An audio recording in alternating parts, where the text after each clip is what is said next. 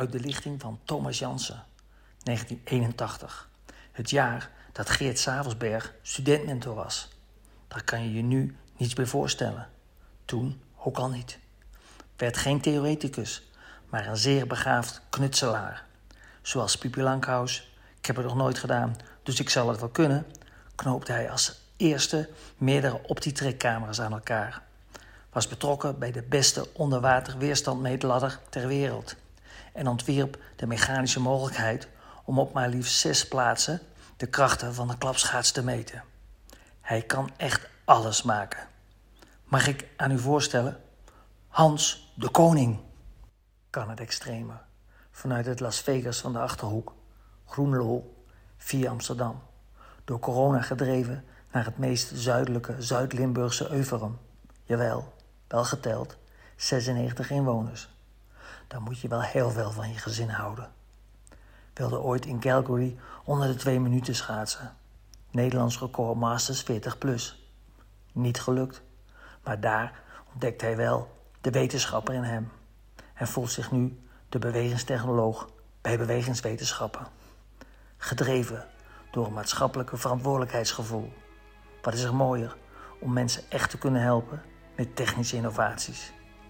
Waren er maar meer wetenschappers zoals hij, was de wereld een beetje mooier en Zuid-Limburg een beetje voller. Een man met een missie. Melvin Roerdink. In gesprek met Sanne en Dax.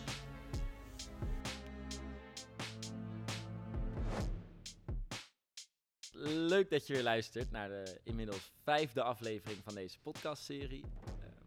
De afgelopen afleveringen hebben we het gehad over verschillende velden van eh, de bewegingswetenschappen.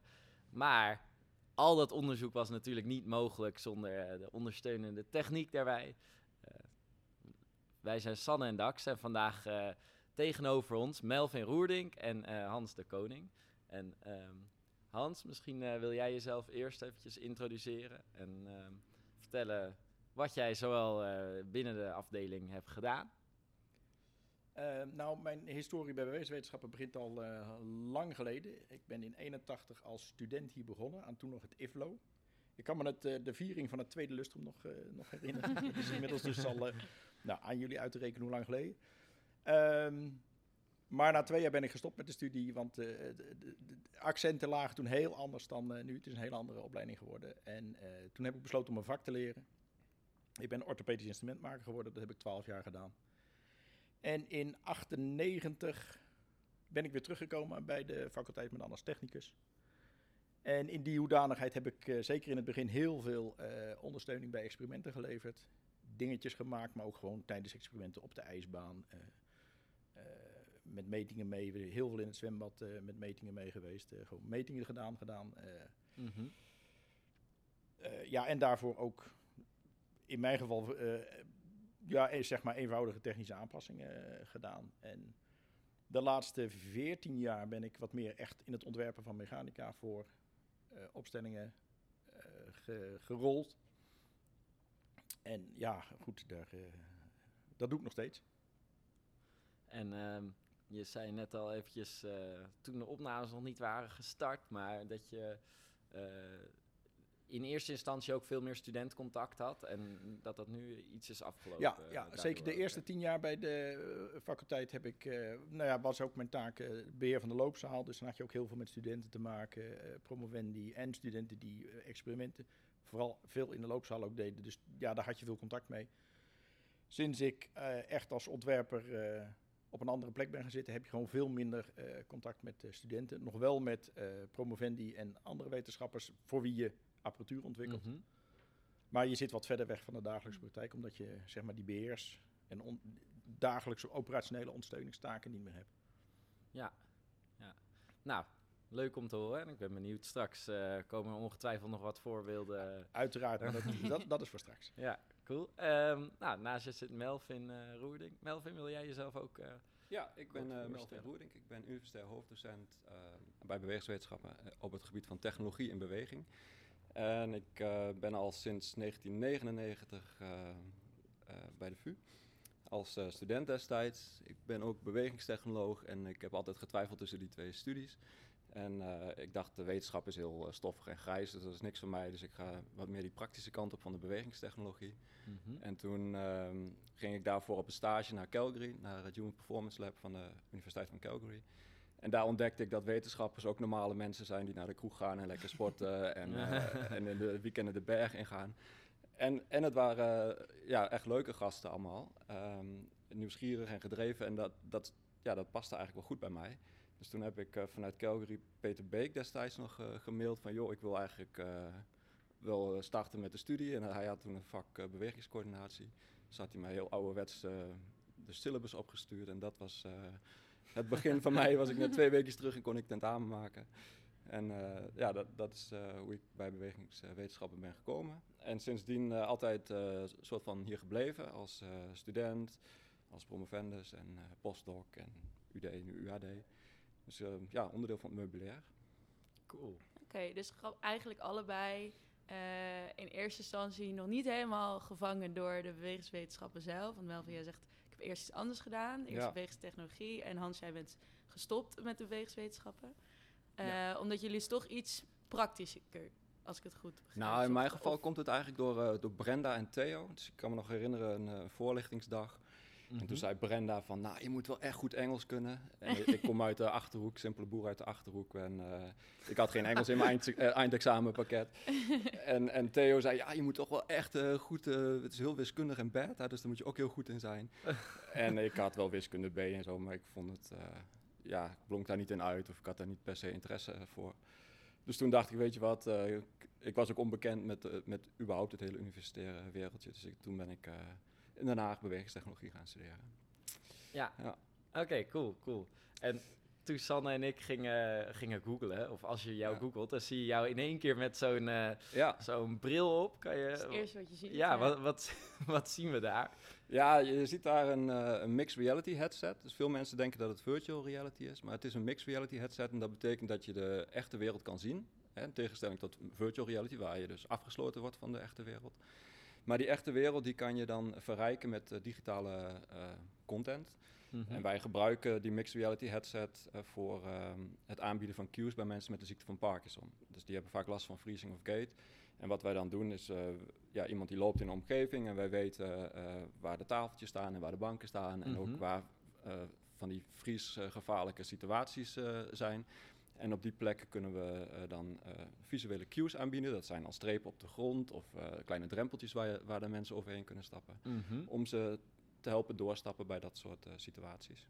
Oké, en is dat dan ook nog... want je hebt inderdaad dat virtual reality en je hebt ook augmented reality, hè? Is, Ja. dat, is dat nou nog weer anders dan ook dan dat mixed reality? Nou, er zijn eigenlijk twee extremen in het, in het realiteit virtuality continuum. Aan de ene kant hebben we gewoon de echte wereld zoals die is. Nou, die Mhm. bestaat amper meer. Er zijn zoveel digitale aspecten eh, en virtuele aspecten tegenwoordig. Die, eh, die, hè, we hebben telefoons en alles. Eh, en aan de andere kant heb je het volledige virtuele. En dat bestaat eigenlijk ook niet meer. Want ook in een virtuele omgeving heb je nog weer interactie met de echte wereld. En alles wat daartussenin is, is feitelijk mixed reality. En daar heb je weer ook weer twee stromingen in. Dus augmented reality, waarbij de echte wereld verrijkt is. En eh, augmented virtuality, waarbij de virtuele wereld verrijkt is met echte, echte elementen.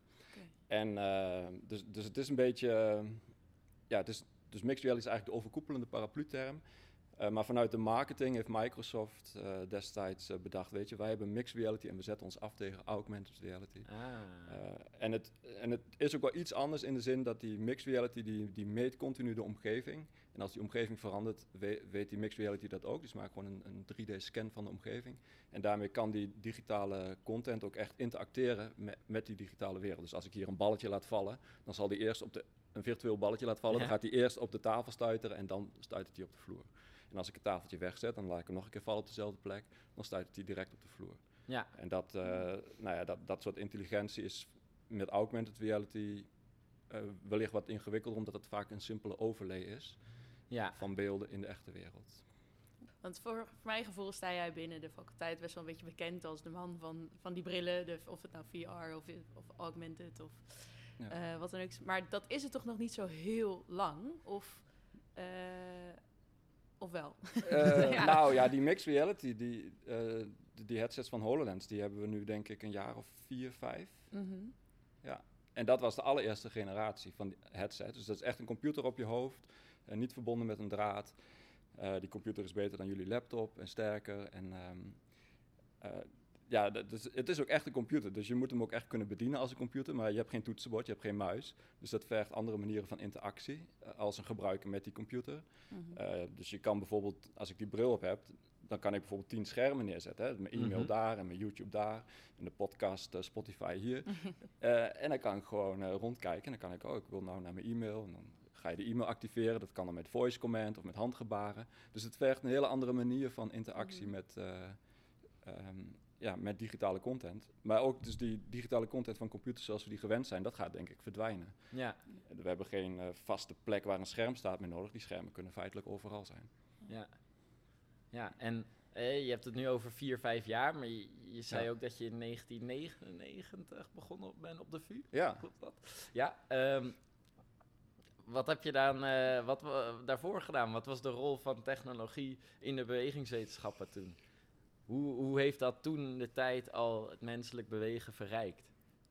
Dat is een lastige vraag. Eh, ja, het, eh, toen de tijd. Nou ja, ik kom nog uit de tijd dat, eh, dat we echt nog eh, met, met relatief simpele en analoge technologieën aan de slag gingen. Eh, bijvoorbeeld bij inspanningsfysiologie kan ik me nog herinneren dat we een enorme luchtzak achter ons hadden. Eh hè, dus echt heel ouderwets. En tegenwoordig is het. ehm, maar ja, goed, die ouderwetse principes, dat is niet per se slecht of zo. Je, je, je leert daar wel echt eh, in de kern meer van wat er gebeurt in zo'n zak en, en met, met die luchtaspecten. En nu eh, rolt er gewoon een getal uit de computer. En dat is heel anders. Dus, dus het- nu is het meer, denk ik, een black box die een, een getal produceert. En destijds was je echt dichter bij de technologie, hoe je van een grootheid naar een getal komt. ja. En dat is tegenwoordig, eh, ik denk voor de studenten van deze generatie, is dat ingewikkelder in de zin dat, dat, dat daar gewoon een heel, hele computer tussen zit en een algoritme. En eh, dat dat meer afgeschermd is Ja, er komt gewoon een getal uit en Ja. je hebt een handleiding hoe je iets moet meten. Eh, maar hoe dat getal precies ontstaat, dat, dat, Dat dat, weten wordt minder niet, duidelijk, ja. denk ik, dan hoe we dat destijds eh, Ja. vanwege die beperktere technologie eh, hebben Mm. geleerd. Oké. En, en Hans, jij, eh, jij loopt nog ietsje langer mee hier. eh, Ik, ik loop inderdaad nog ietsje langer mee. Ehm, en nou, het voorbeeld wat Melvin net noemt eh, over die ademanalyse. eh, met die grote zakken was het altijd zo dat je mhm. een bepaalde tijd die lucht verzamelde. En dan had je een gemiddelde waardes over de uit, uitgeademde lucht. Met de huidige eh, apparatuur die er nu is, kan je ademteug voor ademteug eh, die eh, adem analyseren. Dus dan weet je ook dat die gedurende de inspanning hoe dat, hoe dat verandert. Dus dat, behalve dat je die black box hebt, heb je tegelijkertijd ook toch wel preciezer dat je, dat je dingen kan meten Ja, ja. met de huidige techniek. En ja, als ik terugdenk aan mijn beginjaren als student, beginjaren, nou dat waren er niet zoveel, maar ehm, dat er toen al eh, gewoon ook weer bij inspanningsfysiologie dat, je, dat we als studenten met eh ESCG-plakkers eh, in de trimbaan in het Amsterdamse bos rondliepen. En dat er dan op, op de heuvel, er stond dan die grote blauwe bus, waar dan de recorders in zaten, waar enorme vellen papier uitkwamen. Want dat was de enige manier van vastleggen Mhm. om dan daarna in het practicum hartfrequenties te tellen op papier. Ja. Ja, Ja, dat is dus ook een heel groot verschil met hoe dat eh, tegenwoordig gaat. Iedereen heeft eh, een horloge om waar hij het gewoon du moment kan lezen wat zijn eh, hartfrequentie Ja. is. Ja. Denk je dat in, in de loop der decennia dat dan ook de rol van de, de technische dienst eh, is veranderd binnen de afdeling? Eh, dus eh, omdat het toch allemaal complexere apparatuur gaat. Ehm, ja en nee. Eh, eh, in, een, in een ver verleden wa- wa- was er gewoon geen apparat- meetapparatuur te koop die, eh, eh, die gebruikt eh, wilde worden. Dus ehm, dat moest gewoon gemaakt worden. En dat, dat, dat werd gewoon zelf gemaakt. Waardoor je ook volledig in de hand had van wat deed het en hoe werkt het en hoe, hoe presteert het. Tegenwoordig is er veel meer te koop. Dus die rol van de technici is dan toch meer verschoven van inderdaad die, die eh, meterapparatuur maken naar meterapparatuur die niet meer zelf te maken is, maar wel heel goed beoordeeld moet worden van gaat het wel doen wat wij willen. Dus je bent weer van ontwikkelingsrol naar een test. consultant, Of ja, testrol. Ja. Eh, eh, zeker zeker als, je, als je af gaat vragen, want we willen voor een of ander apparaat een, eh, iets aanschaffen. Mhm. Nou, nou ja, wat, wat Melvin ook zegt, het valideren, die HoloLens kunnen wij echt niet zelf maken. Daar hebben Nee. we gewoon de mogelijkheden en de, de, de spullen niet voor. Dus dat is een apparaat wat je koopt. Mhm. Maar dan moet je het vervolgens wel valideren of het inderdaad doet wat je denkt dat het Ja. doet. Of wat de fabrikant beweert dat het doet. Dus jullie zijn nog steeds wel onmisbaar daarin. Dat denk ik wel, ja. Ja, ja, Want ja. vorige podcast zei Lieke Peper heel mooi dat zij destijds zo bijzonder onderzoek hebben kunnen doen. Doordat de afdeling bewegingswetenschappen zo'n eh, goede TOD heeft. eh, toch? Ja, dat is altijd die, die Kan je daar ook in Nou, vinden? Dax, Dax noemt het net ook eh, de technische dienst. Ja, we En hadden voor het heel veel net mensen geldt over, de is de technische dienst. Toch? Dat is, nou of is ja, dat weer iets anders? Dat is weer iets anders. Eh, maar de technische dienst is heel veel, heel veel mensen. Dat zijn de loodgieters en de timmermannen die zorgen dat het, eh, het, het Ja. gebouw het blijft doen. Ook en belangrijk.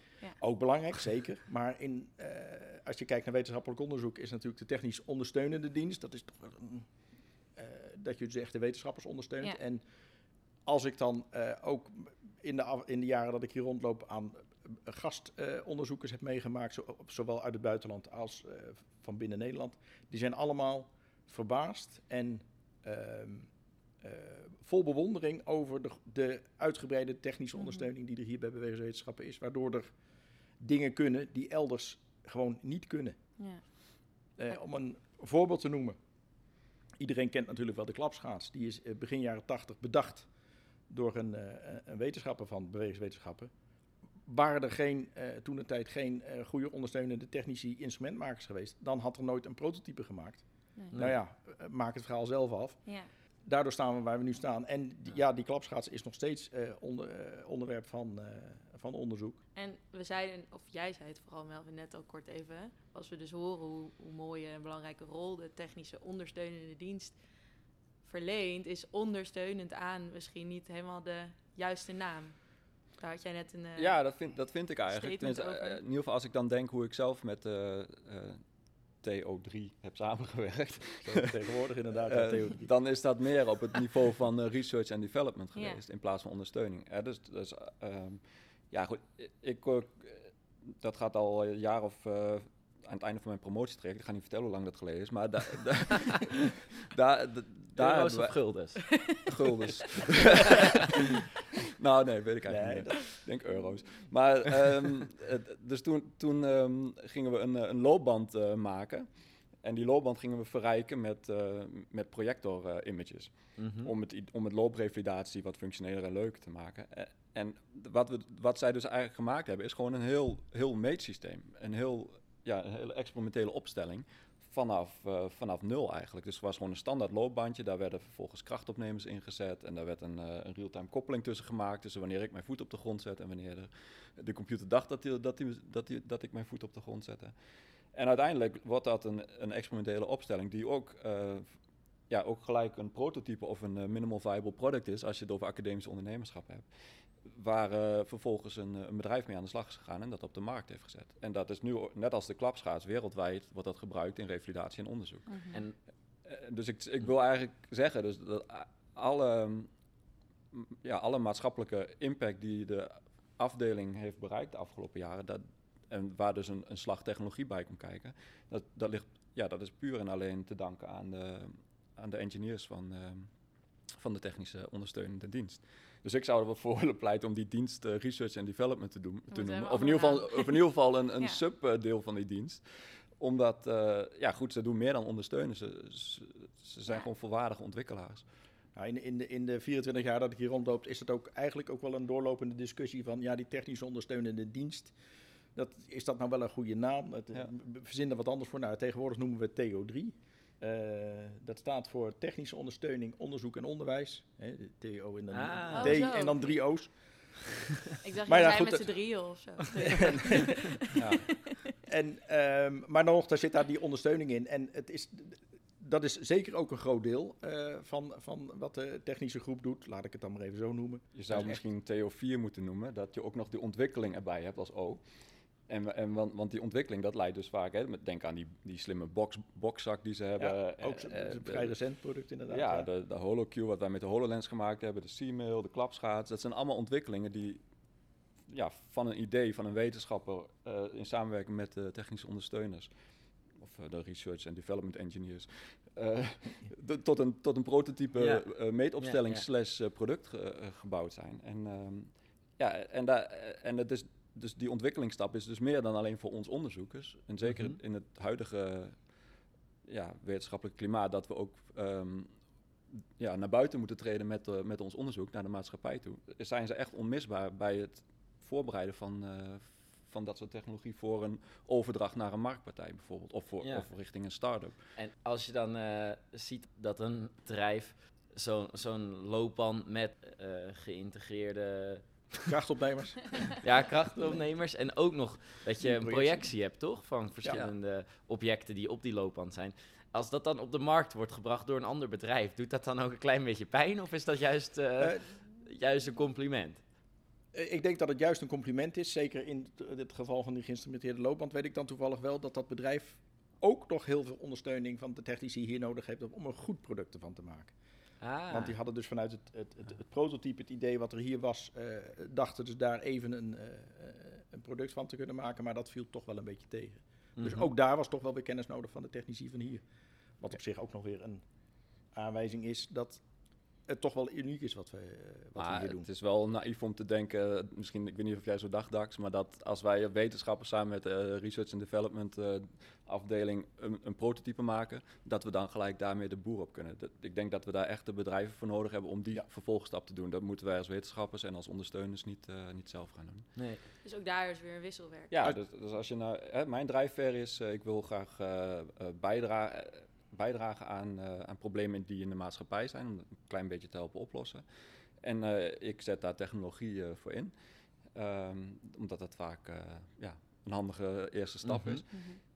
En dat past, ja, dat is ook een beetje die drijfveer die ik heb. Hè. Ik voel me bevoorrecht dat ik als wetenschapper met allemaal leuke nieuwe technologie, dat ik die gewoon kan kopen en dan kijken wat je eraan hebt. En soms heb je er niks aan, verdwijnt in de la. En soms is het, is het hartstikke mooi en, en kan het tot iets leiden.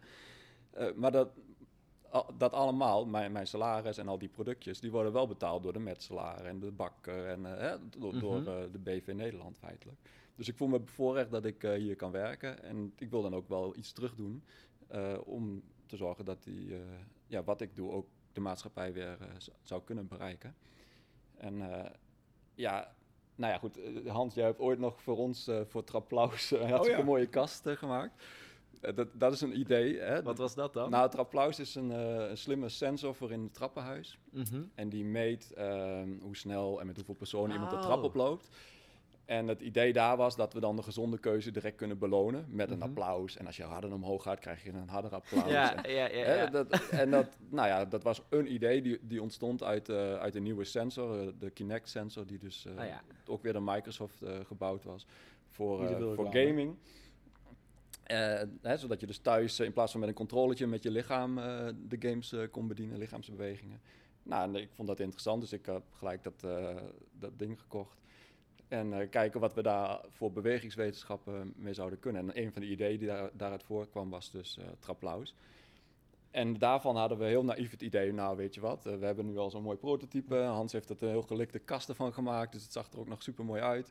Eh, een beetje op televisie en zo, al wat aandacht. En dan van, nou, nu kunnen we wel zelf eh, dit naar, de- naar de markt brengen. Mhm. Maar dat, eh, ja, dat, dat was te naïef. Dat, Want waarom ging dat dan fout? Of, nou, je hebt, eh tenminste, ik vraag. destijds als wetenschapper allerlei eh, andere taken. En eh, die ook om aandacht en prioriteit vragen. En, Mhm.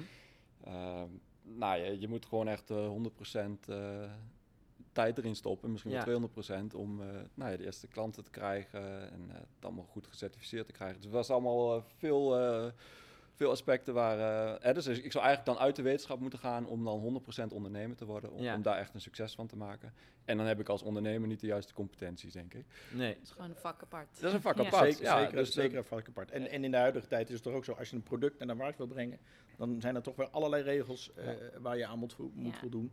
Eh, en ook al weet je van tevoren, of voel je aan van tevoren van nou, wat ik gemaakt heb, dat is verder helemaal niet zo ingewikkeld en helemaal niet zo gevaarlijk. Ja. Maar je moet toch aantonen dat, eh, en daar gaat ook, ook gewoon een hele hoop papierwerk en dus tijd in zitten. Ja. En Mhm. het, ja, het, het, het, het bespelen van de markt, het, het, het halen van klanten, het vinden van klanten. Dat, eh, dat is ook nog wel een eh, ding. Ja, Bijvoorbeeld zoals die, ja. die bokzak die dan nu eh, Ja. met een start-up van Next round. Next Round. Ik geloof dat een van de twee is ook een Ja, bewegingswetenschapper, ja geloof zeker. ik. Die, eh, nou ja, dat is ook een product dat in feite hier ontwikkeld is om, om, om die, eh, die, die signalen goed te meten. Nou, er zijn er twee jongens die daar een eh, product van willen maken, maar die zijn er dus ook heel druk mee bezig Ja. om Ja. inderdaad die markt te bedienen. ja. En, en, en die markt te vinden eigenlijk, die markt open te boren door eh, dat product eh, in de markt te zetten. En ja, daar gaat gewoon heel veel energie in zitten om het voor Ja. elkaar te krijgen. En is de trapluis uiteindelijk wel op de markt Het, is, gekomen? eh, het heeft een goede naam. Ja, ik vind het een hele de goede naam naam. is Ja, goed. Ik hou daar wel van, van die En woorden. eh, de, de techniek is er op, op zich ook klaar voor, maar eh, het heeft het niet gehaald ten opzichte van de andere ideeën en eh, producten Ja. die wat hoger in de prioriteit lagen. Ja. En Dus als er nog luisteraars zijn die daar wat mee willen, neem gerust contact op. Dat Wat- ligt nu eh, wat is in je de ivoren toren te verstoffen. m.roerdink.vu.nl? Ja. Hey, en eh, Melvin, wat ik me afvroeg. eh, Ik hoor jou net zeggen, eh dan zou ik fulltime ondernemer moeten worden in plaats van Ja. bewegingswetenschapper. Dat je daar de competenties jouw woorden zijn, dan, maar niet voor het. Maar jij geeft binnen de master ook ondernemerschap in bewegingswetenschappen. Ehm, en we hebben het net een beetje gehad over hoe, de, hoe het bedrijfsleven, of hoe wij als wetenschappers ook dat bedrijfsleven nodig hebben. Denk je dat, dat, dat, dat we daar meer aandacht voor zouden moeten hebben in, in de opleiding? Eh, ja, en dat komt ook wel. Ehm, eh, ja, mijn, mijn inzet daarbij is, eh, ik vind het gewoon belangrijk dat als er prototypes of ideeën zijn waar, waar maakpotentie in zit, dat die ook getest worden op, op dat vlak. En eh, nou ja, 9 van de 10 wordt, wordt niet getest. En dat komt door koudwatervrees bij wetenschappers. Die, hè, wat Hans net aangaf. Dus er komt van alles op je af. En je hebt eigenlijk eh, geen idee hoe je, dat, eh, hoe je dat moet aanpakken. Is er wel voldoende ondersteuning op dat vlak? En dat, Mhm. nou ja, dat, er is veel, maar het kan ook allemaal beter natuurlijk.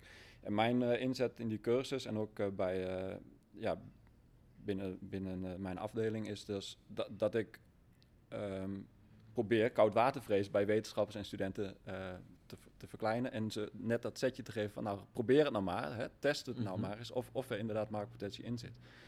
Ehm, in plaats van dat het hier in de ivo- ivoren toren blijft, eh, blijft verstoffen. Ja. Uh, er is, er is uh, zo'n statement over failures. Hè? Institute of Brilliant Failures is een aanrader, moet je maar eens bekijken.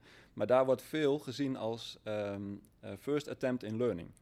Ja. Hè, dus ook, ook al slaagt het niet, je, je hebt eh, van dat proces richting eh, het testen van de maakpotentie van een wetenschappelijk idee, heb je ook weer heel veel geleerd. En de Mhm. volgende keer ben je daarvoor beter voorbereid, eh, ken je beter de kanalen. Mhm. Dus ja, de- de- we zitten altijd te azen op successen, maar van de, van de fouten of van de failures, van mislukkingen, kun je vaak eh, nog meer leren dan eh, van die successen. Want die successen die, die ontstaan vaak eh, door toevalligheden. Ja. En, ehm, eh, Ja, inderdaad, een toevalligheid. Ik bedoel, voor de faculteit geldt nog altijd, ik- sorry dat ik er weer over begin, maar de klapschaats als, als het bekende succes. Als je ook mensen, bewegingswetenschappen, wat is dat? Nou, de, altijd wordt dat voorbeeld aangehaald. Ja. Maar ehm, iets dergelijks hebben we in het roeien gehad. Eh, ook een heel, hele simpele technologische aanpassing in het roeien, waardoor je eh, toch nog wel 1 à 2 procent harder zou kunnen roeien. Nou, dat is het verschil tussen plaats 1 of plaats 5. Verschil. Heeft de internationale roeibond van gezegd nadat ze eerst zeiden van, we Wat? weten niet waar het over gaat, daarom mag het niet. Wat was dit voor aanpassing? Sorry, de- Eh, dat was de, wat wij genoemd hebben de superseat. In feite zit je dan met een riempje aan je roeibankje vast. Als je dat in de norma- en dan kan je dus veel harder afzetten. Want bij het roeien is het, het eh, gecoördineerde samenspel dat je zo hard afzet dat je net niet omhoog komt van je zitje. Want als je omhoog komt van je zitje, dan rolt je zitje weer naar voren. Kom je weer naar beneden achter je zitje en ja, dan moet je, dat kost, dan is de roeislag gewoon verstoord. ja. Dus dat is het. En de roeiers doen daar al iets mee door de wrijving van dat zitje eh, eh, groter te maken, anti-sliprubbertjes. Ja. Maar als je nou gewoon met een riempje aan dat eh, zitje vastzit, dan kan je zo hard afzetten dat je met zitje en al omhoog komt. Ja. In de huidige roeiboot is het zo dat het zitje dan niet meer rolt. Dus daar is de kleine technische aanpassing is daarvan dan als je het zitje optilt, dat het dan toch nog heel makkelijk naar achteren rolt. Ah, ja. Nou goed, dan zit er een puntje veiligheid aan. Dat als je omgaat, moet dat riempje wel vanzelf losgaan. En zo, nou, allemaal problemen die we hebben opgelost. Ehm, nou, is aangevraagd bij de Inter- Internationale Roeifederatie of dat eh, zou mogen. Nou, Ja. vervolgens is dat een traject van heel erg lang voordat je daar überhaupt antwoord op krijgt. en ehm, Nou, dan wordt het niet toegestaan, want het tast de aard van de sport aan of zoiets. Dan zo'n Ja. argumentatie. Nou, dat is bobotaal, dat snap ik niet helemaal. maar ja, goed, dan En klittenband, over en uit. Nou, inderdaad, klittenband. Eh, mag dat wel? ehm, ja, alleen klittenband, dat werkt onvoldoende. Dat hebben we ook wel Ah, gemerkt. Dat, dat- dat hebben we natuurlijk ook wel getest. ja, ja, ja. het is een, en, en, en ja, technologisch stelt het helemaal niet zoveel voor. Het is een hele simpele aanpassing. Maar, Mhm. En zo zijn- er in het roeien de afgelopen 20 jaar nog wel andere technische aanpassingen geweest. ehm, waardoor je harder zou kunnen roeien. Maar wat ik dan van insiders uit de roeiwereld hoor, is dan van ja, maar ehm, dan kunnen ook excusez mo boeren die alleen maar kracht hebben, kunnen dan ook heel hard roeien. En nu is het nog een, Technisch. Een technische sport waardoor je Ah. juist Ja. die balans, precies, die coördinatie precies tussen. ja. Oké. Dus de superseat is niet in gebruik. Nee, en ga er maar niet op googlen, want dan kom je ook door andere soorten. Terwijl je Ehm, juist met zo'n riempje trouwens waarschijnlijk niet het koude water in gaat. nee, nee, ja, nou ja, dat is sowieso niet te bedoelen dat je koude water in gaat natuurlijk. Maar eh, ehm, ja, er is gewoon aangetoond dat, dat, eh, dat je er een paar procent harder door kan roeien. En dat is echt het verschil tussen goud of geen goud. Ja. En dat is voor, voor sporters is dat natuurlijk heel belangrijk. Maar ja, als de internationale eh, bobo's het niet eh, toestaan, dan houdt het gewoon op. Nee. Nee. Net, net, net zoals dat je de, in, de, in de zwemwereld die pakken hebt gehad. Rond, Ja. Wanneer is dat geweest? Begin deze eeuw, we maar zeggen. Rond 2000 of zoiets, of iets later. Waardoor eh, in, de in de zwembad, zwemsport eh, mag het niet. In de triathlonwereld eh, mag het wel. Ja. En daar is dus heel veel innovatie wordt daar gedaan op het gebied van, eh, van eh, zwemkleding. Ja. En in de triathlonwereld ook dan nog gecombineerd met het fietsen wat daarna moet gebeuren. Want daar speelt aerodynamica ook een rol. Daar wordt op het gebied, nou ja, daar hebben wij als bewegingswetenschappen niet zoveel mee te maken. Maar eh, daar wordt op, op het gebied van kleding en, en eh, stoffen en dergelijke wordt er heel veel eh, Mhm. gepoogd te innoveren. Laat ik dat zo Ja. zeggen dan. Ja. Ik kan me wel voorstellen dat het een beetje zuur is. Dat je dan iets ontwikkelt en je toont echt aan... wow, hierdoor kunnen we harder dit, snel, sneller dit. En dan mag het gewoon niet. Dat is, ja, dat is even slikken. En ja. dan is het, ja, en dan weet je ook dat je als David tegen Goliath dat toch niet voor elkaar krijgt. Nee. Dan kan je als wetenschapper of als techneut wel proberen dat nog weer voor me- Dat lukt dan toch niet. Nee. Dus ja. En we hebben nu, jullie hebben een aantal wel hele gave voorbeelden van technologische ontwikkeling nu genoemd. Wat vinden jullie zelf, waar zijn jullie zelf het meest enthousiast over? Ben ik wel benieuwd naar. Voor welke technologische ontwikkeling die je misschien gebruikt zelf of aan bijgedragen hebt, denken jullie dat vind ik echt de allervetste? Ja, nou ja, dat, dat is misschien een beetje flauw om je eigen werk weer in de etalage te zetten. Maar ik ben, ik ben gewoon heel erg eh, enthousiast over, de, over HoloQ. Dus de, Mhm. de queuing-applicatie eh, vanuit eh, Mixed Reality. Dat, dat, dat kan voor eh Parkinson-patiënten die last hebben van vriezing gewoon echt het verschil zijn tussen eh, wel of niet op tijd eh, de toilet eh, bereiken of in je broek plassen. Ja, Ja, dat, dat soort kleine dingen, die, die kunnen echt een groot verschil maken in het Ja. dagelijks leven van dat soort mensen. En Dan gaat het dus om de toepassingen. Niet per Ja. se omdat het gewoon een vet product is. Dat nou, het is ook kan- een super Ja, oké. product. Dus dat is voor mij de legitimatie om... eh, ik heb vandaag eh, toevallig een nieuwe HoloLens opgehaald. HoloLens 2, de nieuwe generatie. Ja, d- d- d- dus voor mij is ook... eh, ik kan ook leuke dingen mee doen. Mijn kinderen die spelen er mee. Die, Ja. die zetten allemaal de schaatsende pingwings in de ruimte. En die vinden het prachtig. Ja. En, eh, ehm, maar goed, ja, het je komt er wel je online, hè? Mm, je kan er ook, je kan er ook nuttige dingen mee doen. En, Ja. eh, ja, en dat, dat is gewoon eh, wa- wat denk ik heel belangrijk is binnen het bewegingswetenschappen. Is natuurlijk al jaren gezegd van eh, hè, we hebben de beste meetsystemen en, eh en ehm, submillimeter precisie, optotrack en zo. En dat is ook allemaal waar. Maar juist met die eh, nieuwe technologieën die, nou, die echt nog op het niveau van ontwikkelaarsversies zijn. Hè, dus Mhm. dat was destijds met die Kinect-sensor, nu met de mixed reality headsets. Ja, daar, daar moeten we gewoon als bewegingswetenschapper in meegaan. ja. Eh, omdat we dan niet alleen het bewegen in kaart kunnen brengen, maar ook ehm, de omgeving waarin die beweging plaatsvindt. En dat, hè, de meeste bewegingen zijn toch enigszins doelgericht in interactie met Ja. eh, dingen in de omgeving. ja. En eh, dat was eh, tot heel lang eh, geleden eigenlijk amper mogelijk om, om ook die omgeving waarin je beweegt mee te nemen. En met, met zo'n mixed reality technologie kan dat. ja. En daar kan je dus heel veel gave dingen mee doen. Dus ik, ik heb wel eens een idee gehad van stel je loopt in het bos. dat die HoloLens die meet waar je naar kijkt. Ik- meet met die sensor hoe die omgeving eruit ziet. Dus die sensor die ziet die eh, boomstronk liggen. Maar ik zie ook dat die persoon er niet naar kijkt. Nou, kan ik die met mixed reality en met een, eh, een geluidje wat uit die richting van die boomstam Ah, ja. komt. En, Pas op. en pas op, een Ja. valgevaar. Hè? Ja. Dat, dat, is, dat zijn hele simpele dingen die ehm, tot voor kort misschien eh, ja, niet mogelijk waren. Maar die met deze technologie van, eh, nou ja, een paar duizend euro goed, goed te doen eh, zijn. En het is puur een kwestie van, eh, van de juiste algoritmes daarvoor maken, de juiste software maken. En dan kan je heel veel nuttige applicaties eh, bouwen. Ja. En eh, nou ja, toen destijds met de met de Kinect-sensor, eh, dat was wel grappig. Ehm, ik wilde dat hebben. Het ding kostte 200 of 300 euro. En eh, nou ja, toen was er nog wel wat weerstand. Ik kijk even Hans aan. Toen was er wel wat weerstand vanuit de technische ondersteunende dienst. Van ja, we laten eh, we wetenschap serieuze business. We laten ons niet in met spelletjes. Eh, ik weet niet of dat van jullie afkwam of van de apparatuurcommissie. Maar de- er was in ieder geval eh, zoiets van, nou die 300 euro eh, gaan, we niet, eh, gaan we niet doen. En eh, ja, en nu is het gewoon... Daar zijn ze wel voor terug. daar zijn ze voor teruggekomen en nu is het... Ik zag jou bedenkelijk kijken, eh, Hans.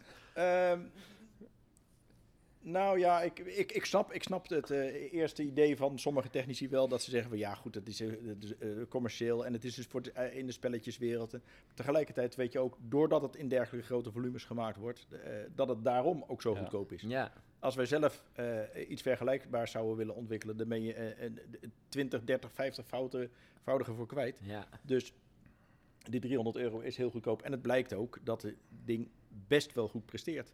En wat Melvin net zegt, optotrek is nog altijd de gouden standaard eh, qua bewegingsregistratie. Dat submillimeter nauwkeurig. Maar in de praktijk heb je dat heel vaak helemaal niet nodig. nee. In de praktijk voor praktische oplossingen. Ja. Als je heel precies bewegingen wil meten, is dat heel fijn. En tegelijkertijd begrijp ik ook dat zoiets als optotrek ook een beetje aan het eind, binnen de faculteit, aan het eind van zijn levensduur is. Maar dat de fabrikant er ook geen vergelijkbaar systeem ook meer is. Want in de praktijk blijkt iets minder nauwkeurig goed genoeg te zijn. Mhm. Ja. En dat, eh, ja, dat, dat is wennen als je meer dan 20 jaar gewend bent eh, Ja. met Ja. optotrek te werken. Maar ik denk dus als wij onze positie in de wereld, hè, als eh, toch een, een, een, nou, een hele goede afdeling bewegingswetenschap met ook geavanceerde meetsystemen en ook hele goede technici.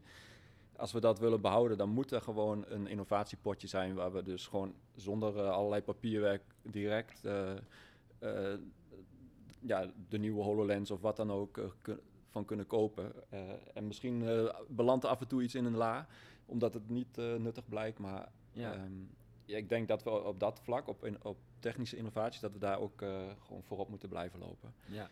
En, eh, en, ja, en, en niet eh, onnodig moeilijk doen over een paar honderd euro. Nou, Nee. ja. Nee. Nee. Dus eigenlijk, ehm, de, de, hier in, bij bewegingswetenschappen in ieder geval, gaat onderzoek echt hand in hand samen met technologische ontwikkeling en de technici. En eh, is de techniek echt onmisbaar voor het onderzoek.